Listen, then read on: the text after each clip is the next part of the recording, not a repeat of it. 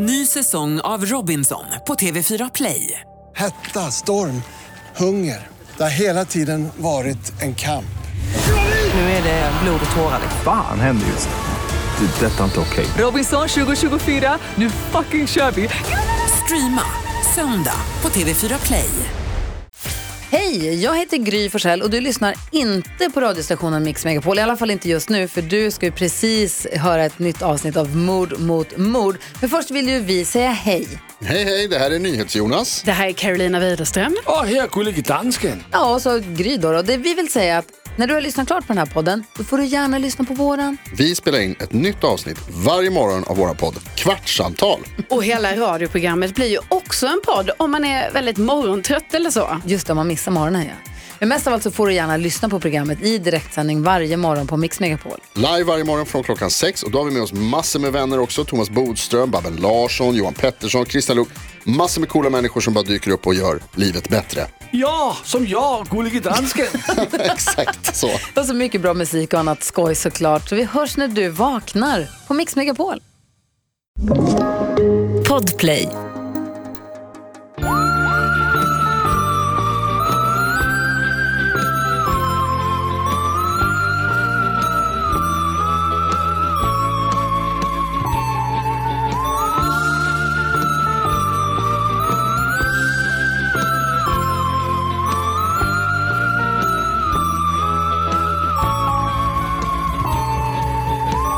Vi har precis haft en liten paus, men i ert liv har det gått en hel vecka.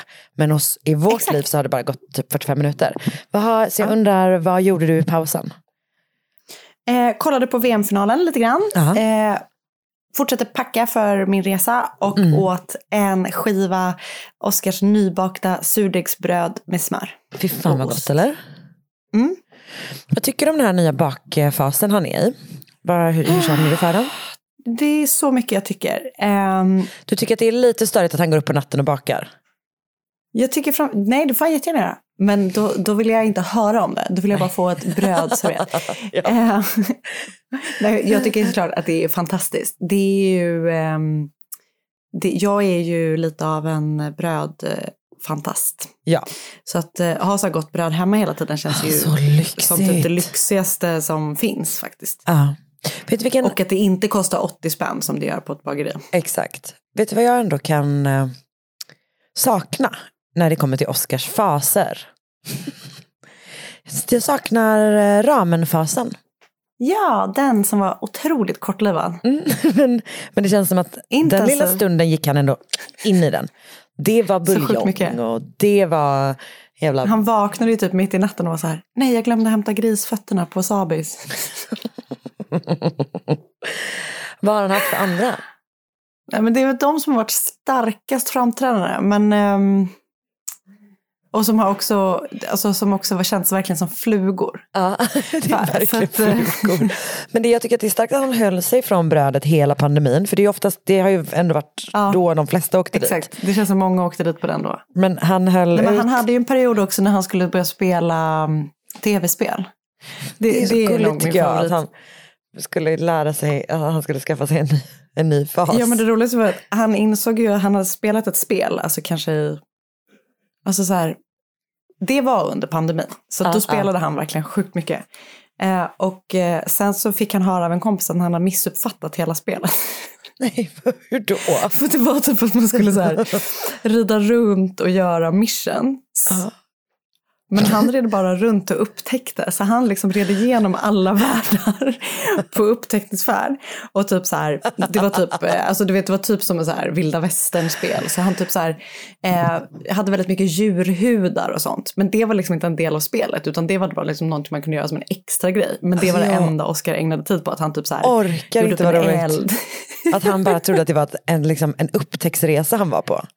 Var det det här som heter Red Dead Redemption? Det kan det vara. Det är väl lite så västern Det är säkert ett mode, sånt. Ja. Min favoritfas som Marcus har haft, det var ju när han bestämde sig för att han skulle bära en sån vampyrkappa. Just det, just Och det. så köpte han en från. Buttericks. Och så har jag en bild på när han sitter i den i soffan och är så jävla besviken. Men han typ, han typ säger att, han, alltså att det var ganska nyss han började prata om att han skulle bring it back. Ah, Okej, intressant. Det är kul, eh, för det är ju riktigt suspekt beteende. suspekt. Fast Det det är är, suspekt inte det beteende. när det kommer från Marcus. Men hade man bara sett en annan person Alltså, det så här, känner man Marcus så känner man att det inte känns så suspekt. Nej. Men hade man bara sett en person i en vampyr eh, cape Alltså man hade gått på andra sidan gatan. Det kan vi då, säga. hade man, då hade man korsat gatan, 100 procent. Jo men för jag tror typ att grejen är just att det inte var så här. Det var inte bara att han hade skaffat sig en cap, alltså du vet en, en nice cap liksom. Utan det var just att det var så tydligt att det var Buttericks. Som billig polyester. Alltså den, var, alltså den var så prasslig. Alltså ingenting har prasslat så mycket. För hade han hittat en riktigt schysst på typ second hand, då Men hade det- man kanske respekterat det lite mer. Det hade jag ändå För då hade man varit varit för. så här, är han Dracula? Verkligen. är det där Dracula? Den riktiga alltså. Men i det här fallet så såg man så här, nej det är inte Dracula. Det är en galning som låtsas att han Det är en Dracula. galning. Det är rakt av en galning. Han är här i rummet. Ja, okej. Mm. Han hör inte vad jag säger hoppas jag. Det får han lyssna sig till i så fall. Han lyssnar inte på vår podd, inte ens när han är i rummet så det är ingen fara. Nej, jag vet, det är det som är skönt. Inte Oscar heller. Man kan säga vad Ah, man skönt. vill. Um, Okej, har du några tips, tittningstips, lyssningstips och så vidare? Ehm, jag har typ inte det tyvärr. Det har varit väldigt lite tv-tittande den här veckan. Mm. När vi släpper det här så är vi mitt i så mellandagarna.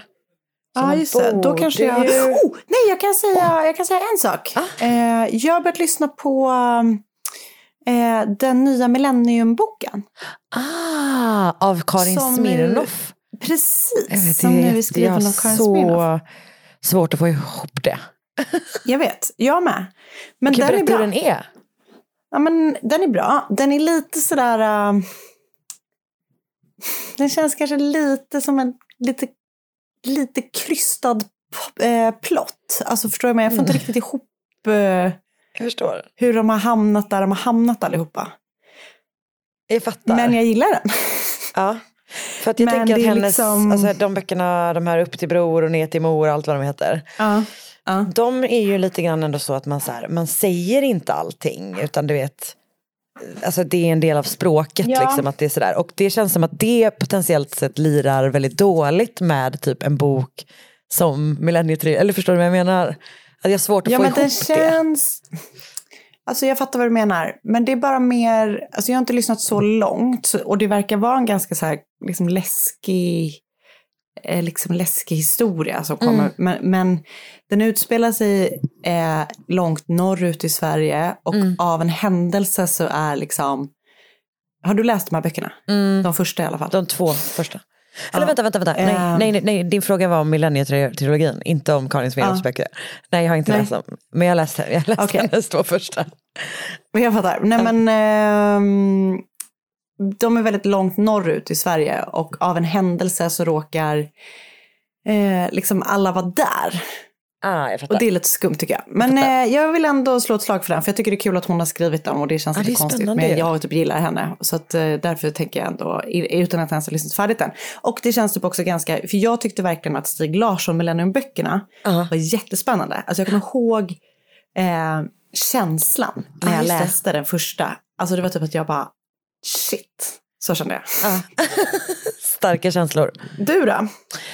Nej, alltså jag vet inte. Jag, eh, det har varit en jävligt stressig vecka typ. Så jag har liksom inte hunnit kolla på någonting nästan alls. För jag kollar vidare på My Unorthodox Life. Och så Ja, har, vi, har du sett vi, färdigt? Eh, nej, eh, och, men Nej. Vi, och vi har kollat klart på White Lotus. Eh, så den kan man ju om man inte, mot all förmodan inte har sett den i mellandagarna så tycker jag absolut att man kan lägga sin tid på det. Det ska Vet du vad jag. jag också tycker att man verkligen kan lägga sin tid på? Alltid kan man göra det här. Se om första säsongen av True Detective. Ja, den hade, jag vet inte hur många gånger vi har pratat om det här, men okej. Jag Gör det med. bara. Jag säger bara, gör det bara igen. Men du, ska vi sätta igång med podden? Jag är väldigt spänd på att höra vad du har in store today. Mm. Eh, vet du vad? Det ska jag berätta för dig. Nej. Ny säsong av Robinson på TV4 Play. Hetta, storm, hunger. Det har hela tiden varit en kamp. Nu är det blod och tårar. liksom. Fan händer just det. Det är detta inte okej. Robinson 2024, nu fucking kör vi! Streama söndag på TV4 Play. Ett poddtips från Podplay. I fallen jag aldrig glömmer djupdyker Hasse Aro i arbetet bakom några av Sveriges mest uppseendeväckande brottsutredningar. Går vi in med hemlig telefonavlyssning och, och då upplever vi att vi får en total förändring av hans beteende. Vad är det som händer nu? Vem är det som läcker? Och så säger han att jag är kriminell, jag har varit kriminell i hela mitt liv men att mörda ett barn, där går min gräns. Nya säsongen av Fallen jag aldrig glömmer på Podplay.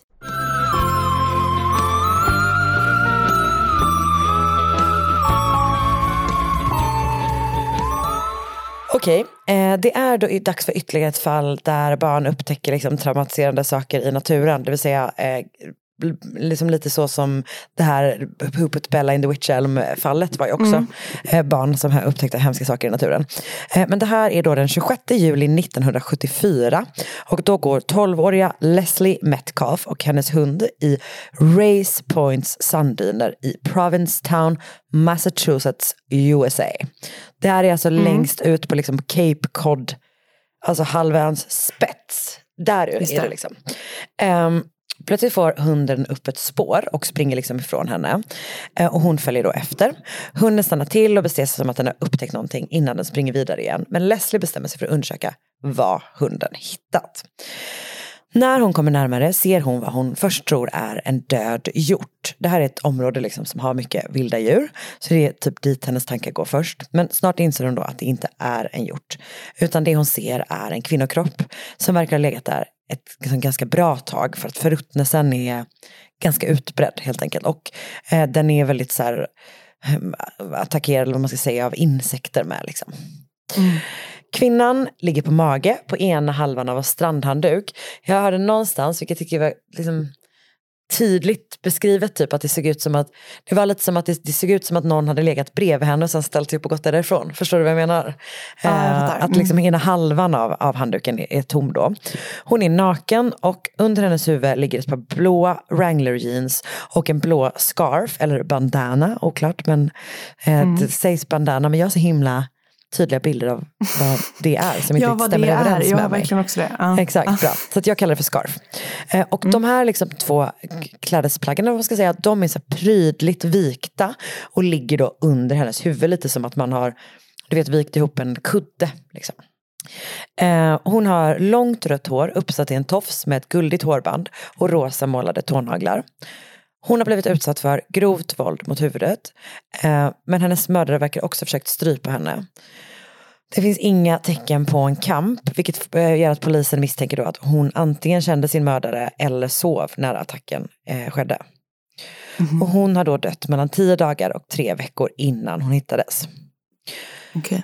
På grund av att kroppen är sargad, alltså både av det här liksom våldet, ehm, men också av då förruttnelse och, och, och likmaskar och sådär, så är det svårt att avgöra ålder. Man uppskattar att hon är mellan 25 och 40 år gammal. Vissa menar att hon skulle kunna vara alltså, ner till 20 och upp till 49, så det är liksom väldigt, väldigt brett åldersspann ändå. Hon är 173 centimeter lång och vägde ungefär 66 kilo och var liksom stark och typ atletiskt byggd. Två saker med den här kroppen. Ehm, hennes händer har blivit avhuggna och flera av hennes tänder är utdragna. Okej. Polisen tror att det har gjorts för att försvåra identifieringen. Och tyvärr kommer det snart verka som att den här mördaren liksom lyckats med sina försök att hålla hennes identitet hemlig. För att det kommer visa sig vara väldigt, väldigt svårt att identifiera henne. Um, brottsplatsen är liksom prydlig, alltså de hittar nästan ingenting där. De har kroppen, handduken, tofsen, jeansen, scarfen och så två par fotspår som eh, leder till kroppen tror jag.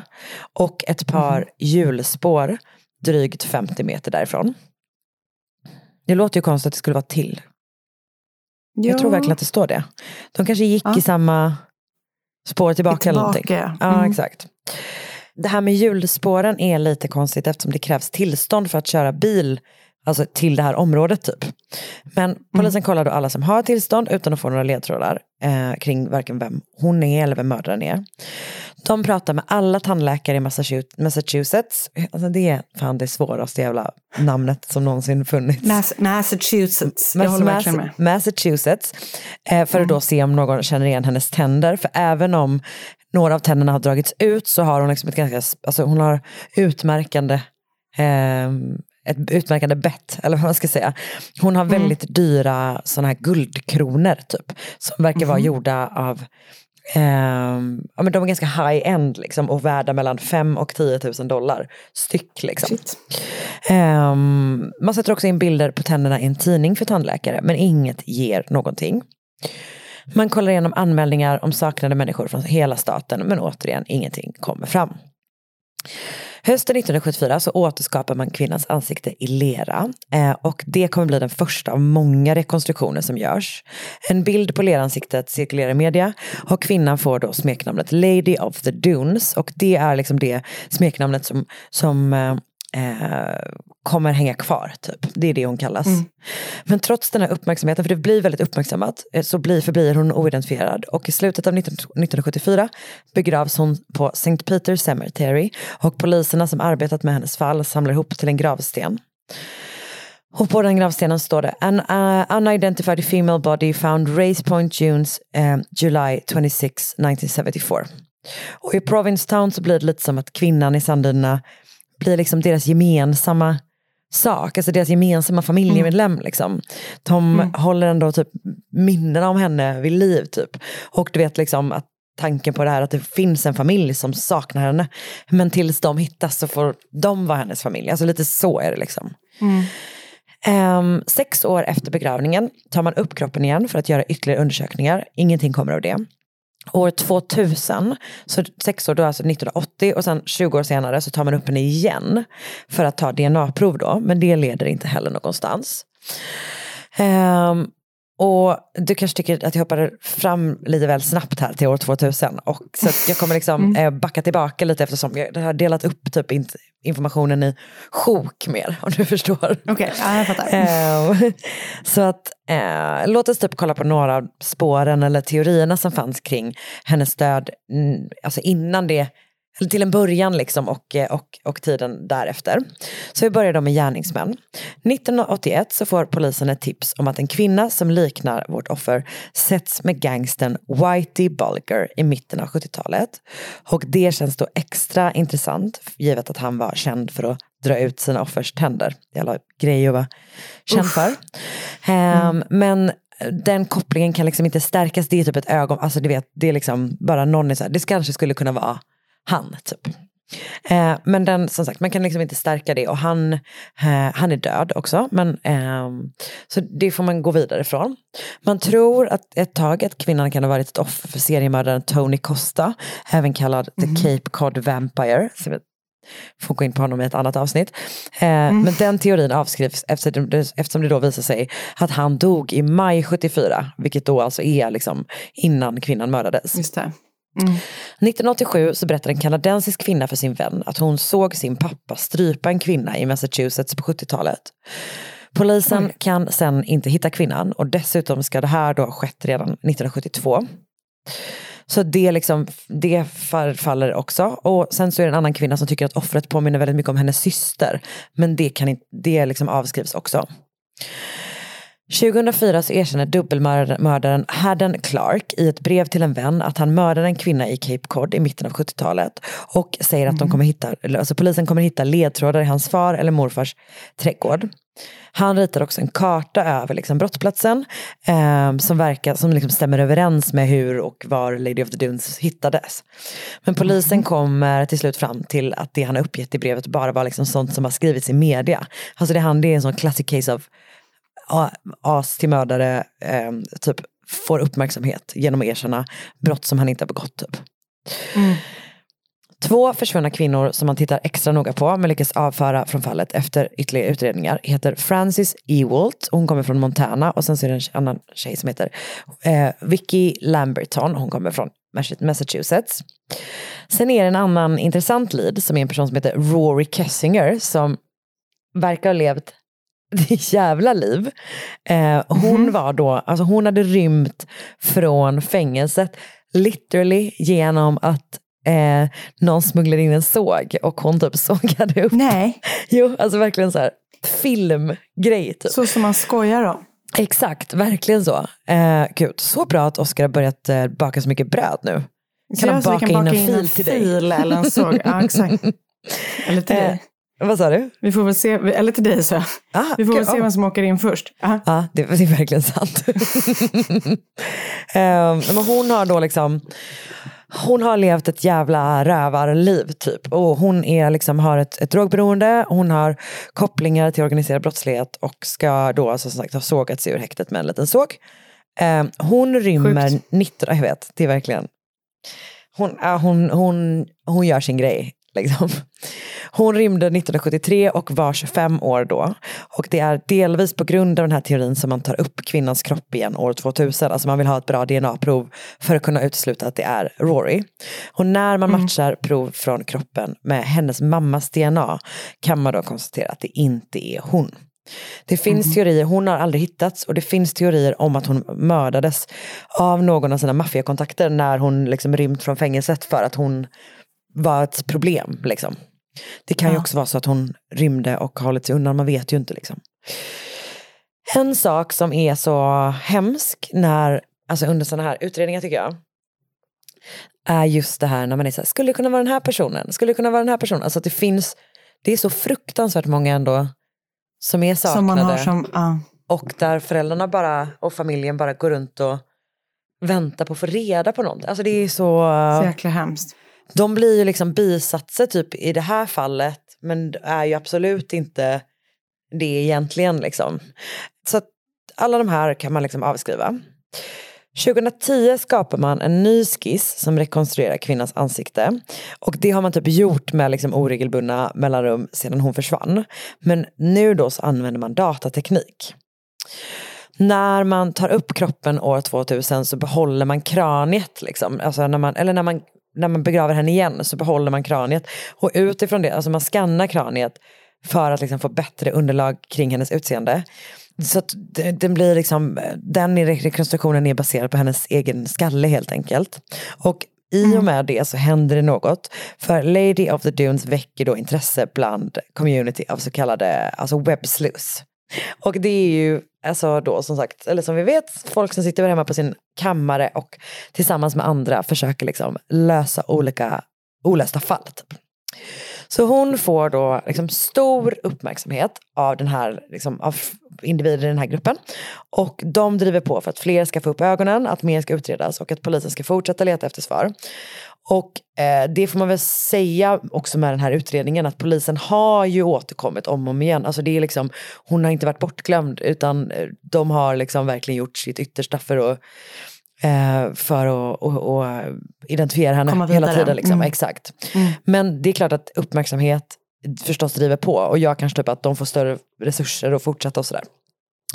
Men en av dem som får upp ögonen för den oidentifierade kvinnan är en man som heter Joe Hill. Han är författare, skriver mycket fantasy men också lite så läskighetsböcker och det kan man säga ligger i hans DNA. För hans pappa är då Stephen King. Aha. Och Joe Hill har nyss läst om eh, kvinnan i sanddynerna i Deborah Hallbergs bok The Skeleton Crew, How amateur, uh, amateur sleuths are solving America's coldest cases. Och blivit typ så alltså lite så besatt av det här fallet, typ. alltså han är jätteintresserad av det. Och sommaren 2015 så ska han då gå på en visning av filmen Hajen för att den firar 40 år och har liksom gått upp på bio igen. Så det är första gången han ser det liksom på en stor skärm helt enkelt. Och mm. när han sitter där i salongen och de visar, du vet de här strandscenerna som ju mm. är i mm. början av Hajen, typ när det är skitmycket folk på en strand och sen så, ja, sådär. Dun dun, dun dun, sådär. Mm. Um, Alltså han, han sitter liksom bara och kollar på den här eh, scenen och sen helt plötsligt bara, där är hon ju.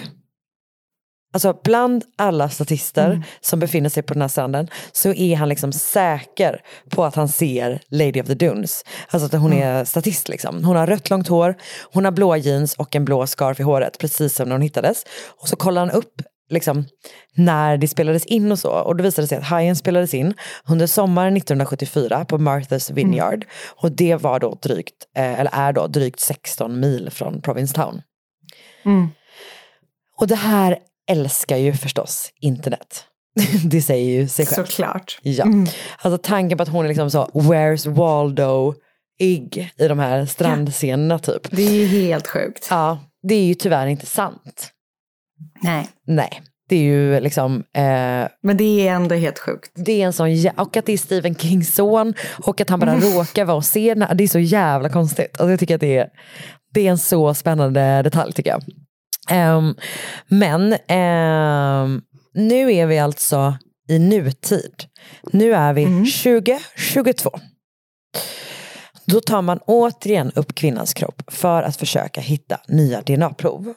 Och ja, du vet, det är ju familje-DNA-grejen som lockar helt enkelt. Problemet är att kvinnans kropp genom åren har liksom utsatts för så mycket tester att det är nästan omöjligt att få ett fungerande prov. Alltså man har liksom gjort, man har behandlat det hur mycket som helst för att typ kunna få ut olika, alltså leta efter bevis och få ut DNA-prov och sådär. Um, så att man tror att det liksom inte går, men sen så testar man att skicka hennes liksom kvarlevor till något slags kommersiellt labb som typ samlar in pengar för att testa oidentifierade kvarlevor så man kan liksom donera pengar till dem. Um, och sen så försöker de identifiera eh, liksom brottsoffer med hjälp av familjedna. då. Och de är, alltså, har liksom super, super ad, äh, avancerad teknik och de lyckas då få ut ett DNA-test eller DNA-prov liksom, från kroppen. Och sen så testar man det då mot de här, liksom, någon, någon av de här kommersiella DNA-databaserna som vi ju känner till. Och så får de en match. Och det är dessutom liksom en nära match. Alltså, och, alltså jag tror att det är, om det är systerdotter eller om det är typ syster eller om det är så. Alltså du vet det är verkligen så här, det, är, det är nära släkting typ. Och efter 48 år så får Lady of the Dunes då tillbaka sitt namn. För hon heter Ruth Marie Terry och hon var en dotter, syster, moster och en mamma och hade liksom en familj som aldrig slutat hoppas på att de skulle få reda på vad som hände med henne. Det är så sjukt. Jag vet, det är så sjukt. 48 år. Ehm, ja. Nu ska jag berätta om Ruth Marie Terry. Hon föddes i Tennessee den 8 september 1936 och var då alltså 37 år gammal när hon mördades. Hon växte upp i en stad som heter Whitwell och var en liksom varm, ständigt så leende kvinna med typ stor aptit på frihet och på livet. Hon älskade att sjunga och var väldigt, väldigt älskad och, eh, av dem runt omkring henne. Hon gifte sig 1956 men det äktenskapet höll inte och två år senare så blev hon gravid och valde då att adoptera bort sin son eh, till ett par som hon kände, några hon jobbade med typ. Och som hon då visste skulle bli bra föräldrar på ett sätt som hon uppenbarligen Mm. inte då kände att hon själv skulle kunna bli, åtminstone inte i det läget liksom. För Ruth ville då uppleva världen långt utanför Whitwell och långt utanför Tennessee och reste runt jättemycket i sin ungdom.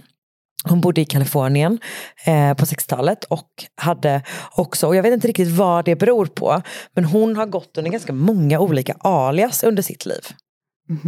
Och jag har inte hittat någon information om som sagt varför det är så. Men hon har haft ett gäng olika namn som hon använt då och då. Liksom. Ehm, men att hon levde det här liksom ändå runtflackande livet gjorde att det var inte ovanligt för hennes familj att inte höra från henne på ett tag. Liksom. Men hon kom alltid hem förr eller senare. Om du fattar. Alltså hon, det var inte det att hon, hon, hade en, hon hade en stark relation till sin familj. Liksom. Men, Mm. eh, hon var, men hon var borta i långa perioder, men hon kom alltid hem. Eh, fram tills hon då 1974 försvann spårlöst och sen var borta i 48 år. Och sen så hörde då polisen av sig plötsligt och liksom berättade att de visste var hon varit hela den här tiden. Och vid det laget så har Ruth Maries biologiska son, han fick namnet Richard Hanchett, han har sökt upp sin biologiska släkt med hjälp av Ancestry och typ alltså, inlett en relation helt enkelt med, med sin, sin mammas släkt, typ, vilket är så... Alltså de har ändå varandra i det här på något, vilket ändå är, eh, är någon slags... Ja. Jag vet inte. Det jag Nej, tycker det är starkt. Typ. Det- Mm. Och det är ju då också inte bara genom den här liksom DNA-databaserna som han får tillbaka hela sin släkt, utan det är också någonting att det är även därigenom som han de får reda på vad som hänt hans mamma. Liksom. Så tillbaka till 1974. För bara fyra månader innan Ruth mördades hade hon gift sig för andra gången. Och hennes man hette då Guy Rock Rockwell Moldavin. Och de hade nog träffats ett tag innan det här. Alltså, hans, hennes familj hade åtminstone träffat honom någon gång tidigare. Men de var liksom inte så förtjusta i honom. Eh, de tyckte att han verkade lite kontrollerad eller som att han bestämde att hon inte riktigt var sig själv eh, när hon var med honom utan det var som att hon var lite kuvad mm. typ. Men oavsett så gifte de sig den 16 februari 1974 eh, i Reno, Nevada. Och familjen har också kontakt med Guy senare, alltså efter att eh, Ruth försvinner fyra månader senare. Så har de kontakt med honom och frågar så här, vad, om han vet vart hon är. Han säger att han inte har liksom, någon aning. Men det Ruths familj inte vet är att den här Guy Rockwell Moldavin också, eh, också en person som använt många alias i sitt liv. Han har ett riktigt, riktigt obehagligt förflutet bakom sig. Mm. Ruth Marie Terry är inte hans första fru, utan hans fjärde. Hans andra fru, en kvinna som heter Manzanita Eileen Ryan, kallad Mancy. Eh, hon hade en dotter från sitt tidigare äktenskap. Eh, dottern hette Dolores Ann Mearns. Och i april 1960, när Mancy är 39 år gammal och Dolores Ann bara 18, så försvinner de spårlöst i Seattle. Okay. Kort därefter så lämnar Guy Rockwell stan och skiljer sig från Mancy för att han är så här, hon har lämnat mig typ, jag ska skilja mig från henne.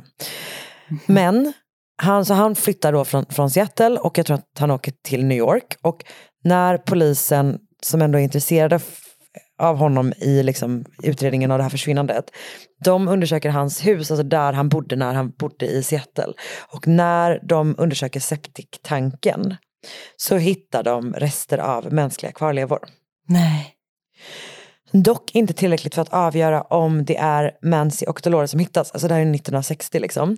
Men ja. Guy Rockwell, um, han häktas i sin frånvaro för unlawful flight to avoid giving testimony relating to mutilation of human remains.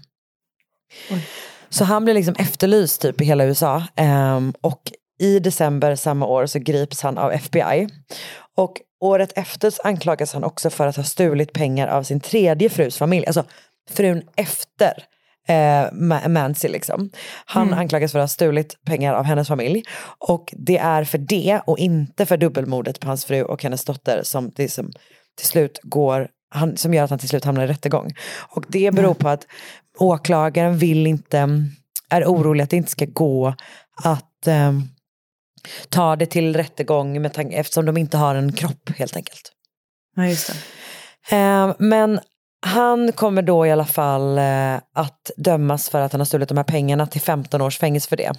Men han släpps på fri fot redan året efter, alltså 1962.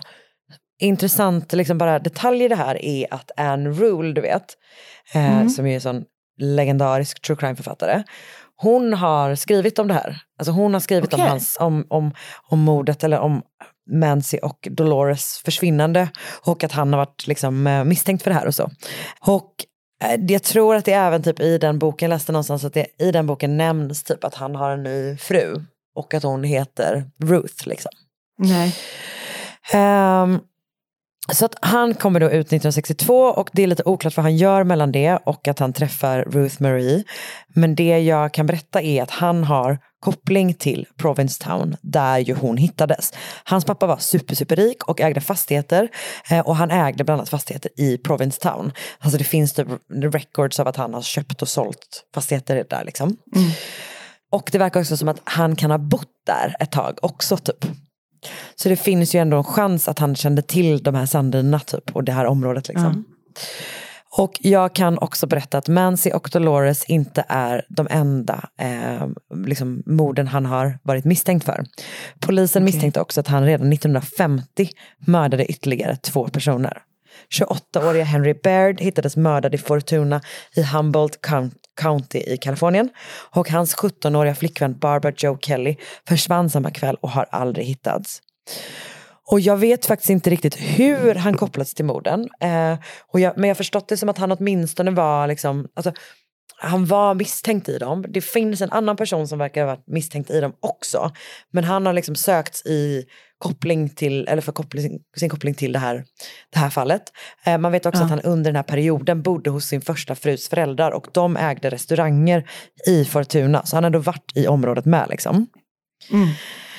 Så att det verkar ju som att vi inte bara då har fått ett namn på The Lady of the Dunes utan även på hennes mördare. Och jag tror att det här är det äldsta, liksom, oiden- äldsta fallet av en oidentifierad kropp i USA typ.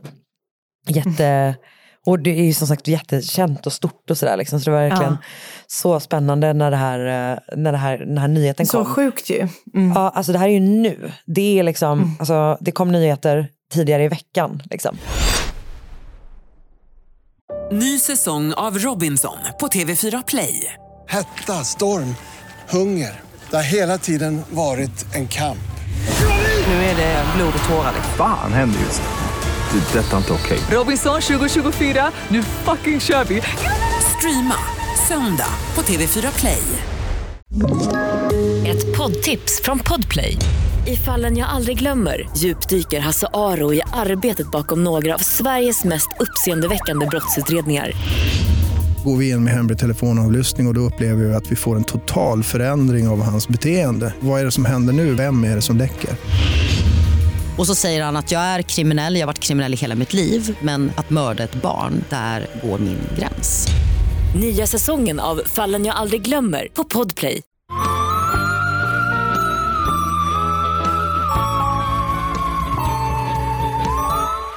Så polisen har gått ut och sagt att de söker information om Guy Rockwell eh, Moldavin. Men han dog 2002 och kan liksom inte förhöras uppenbarligen.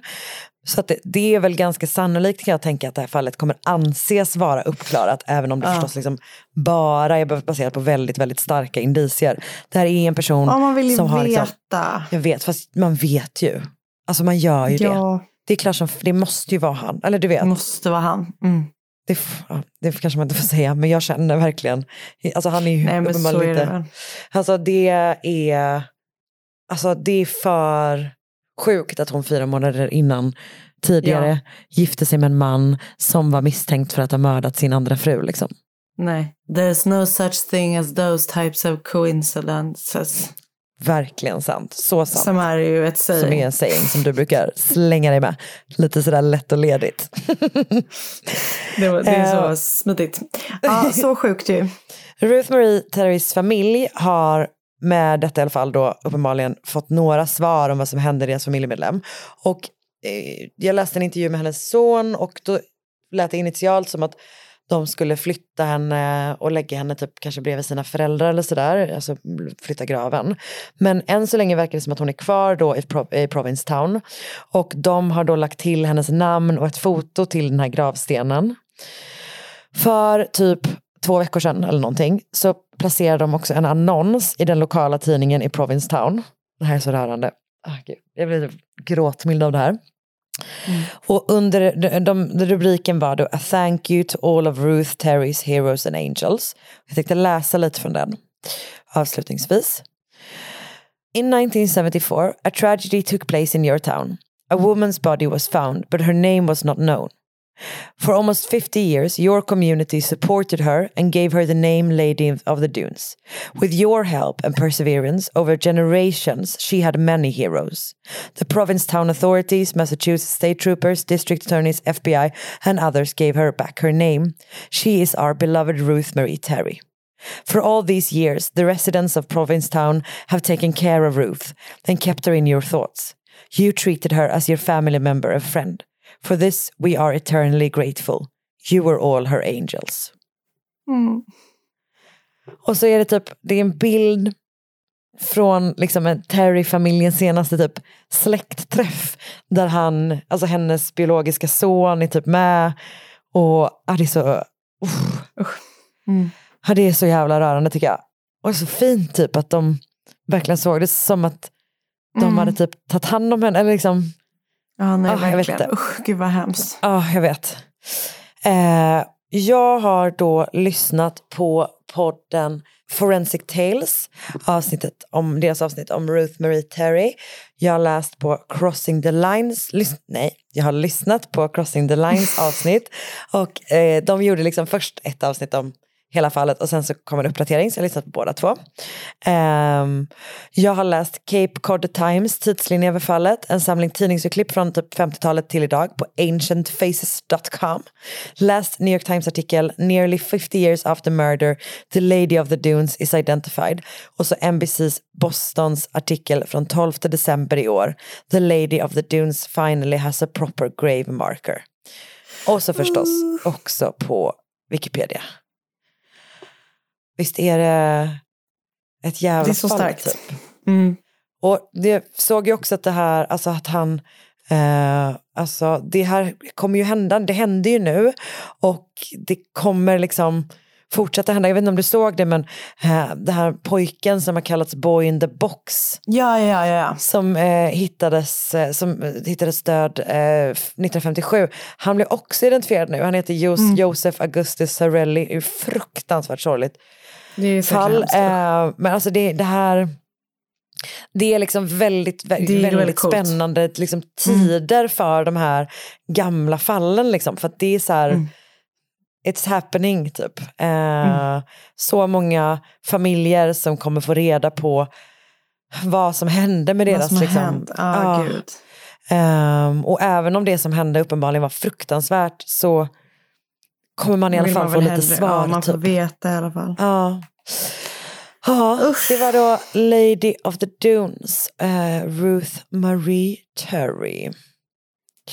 Tack Karin. Ja, tack själv och för att du lyssnade och tack även till eh, er andra som har lyssnat. Och gott nytt år. Gott Tack nytt för år. att, Vänta, alltså, det jag var måste nu- säga så här, det, vad sa du?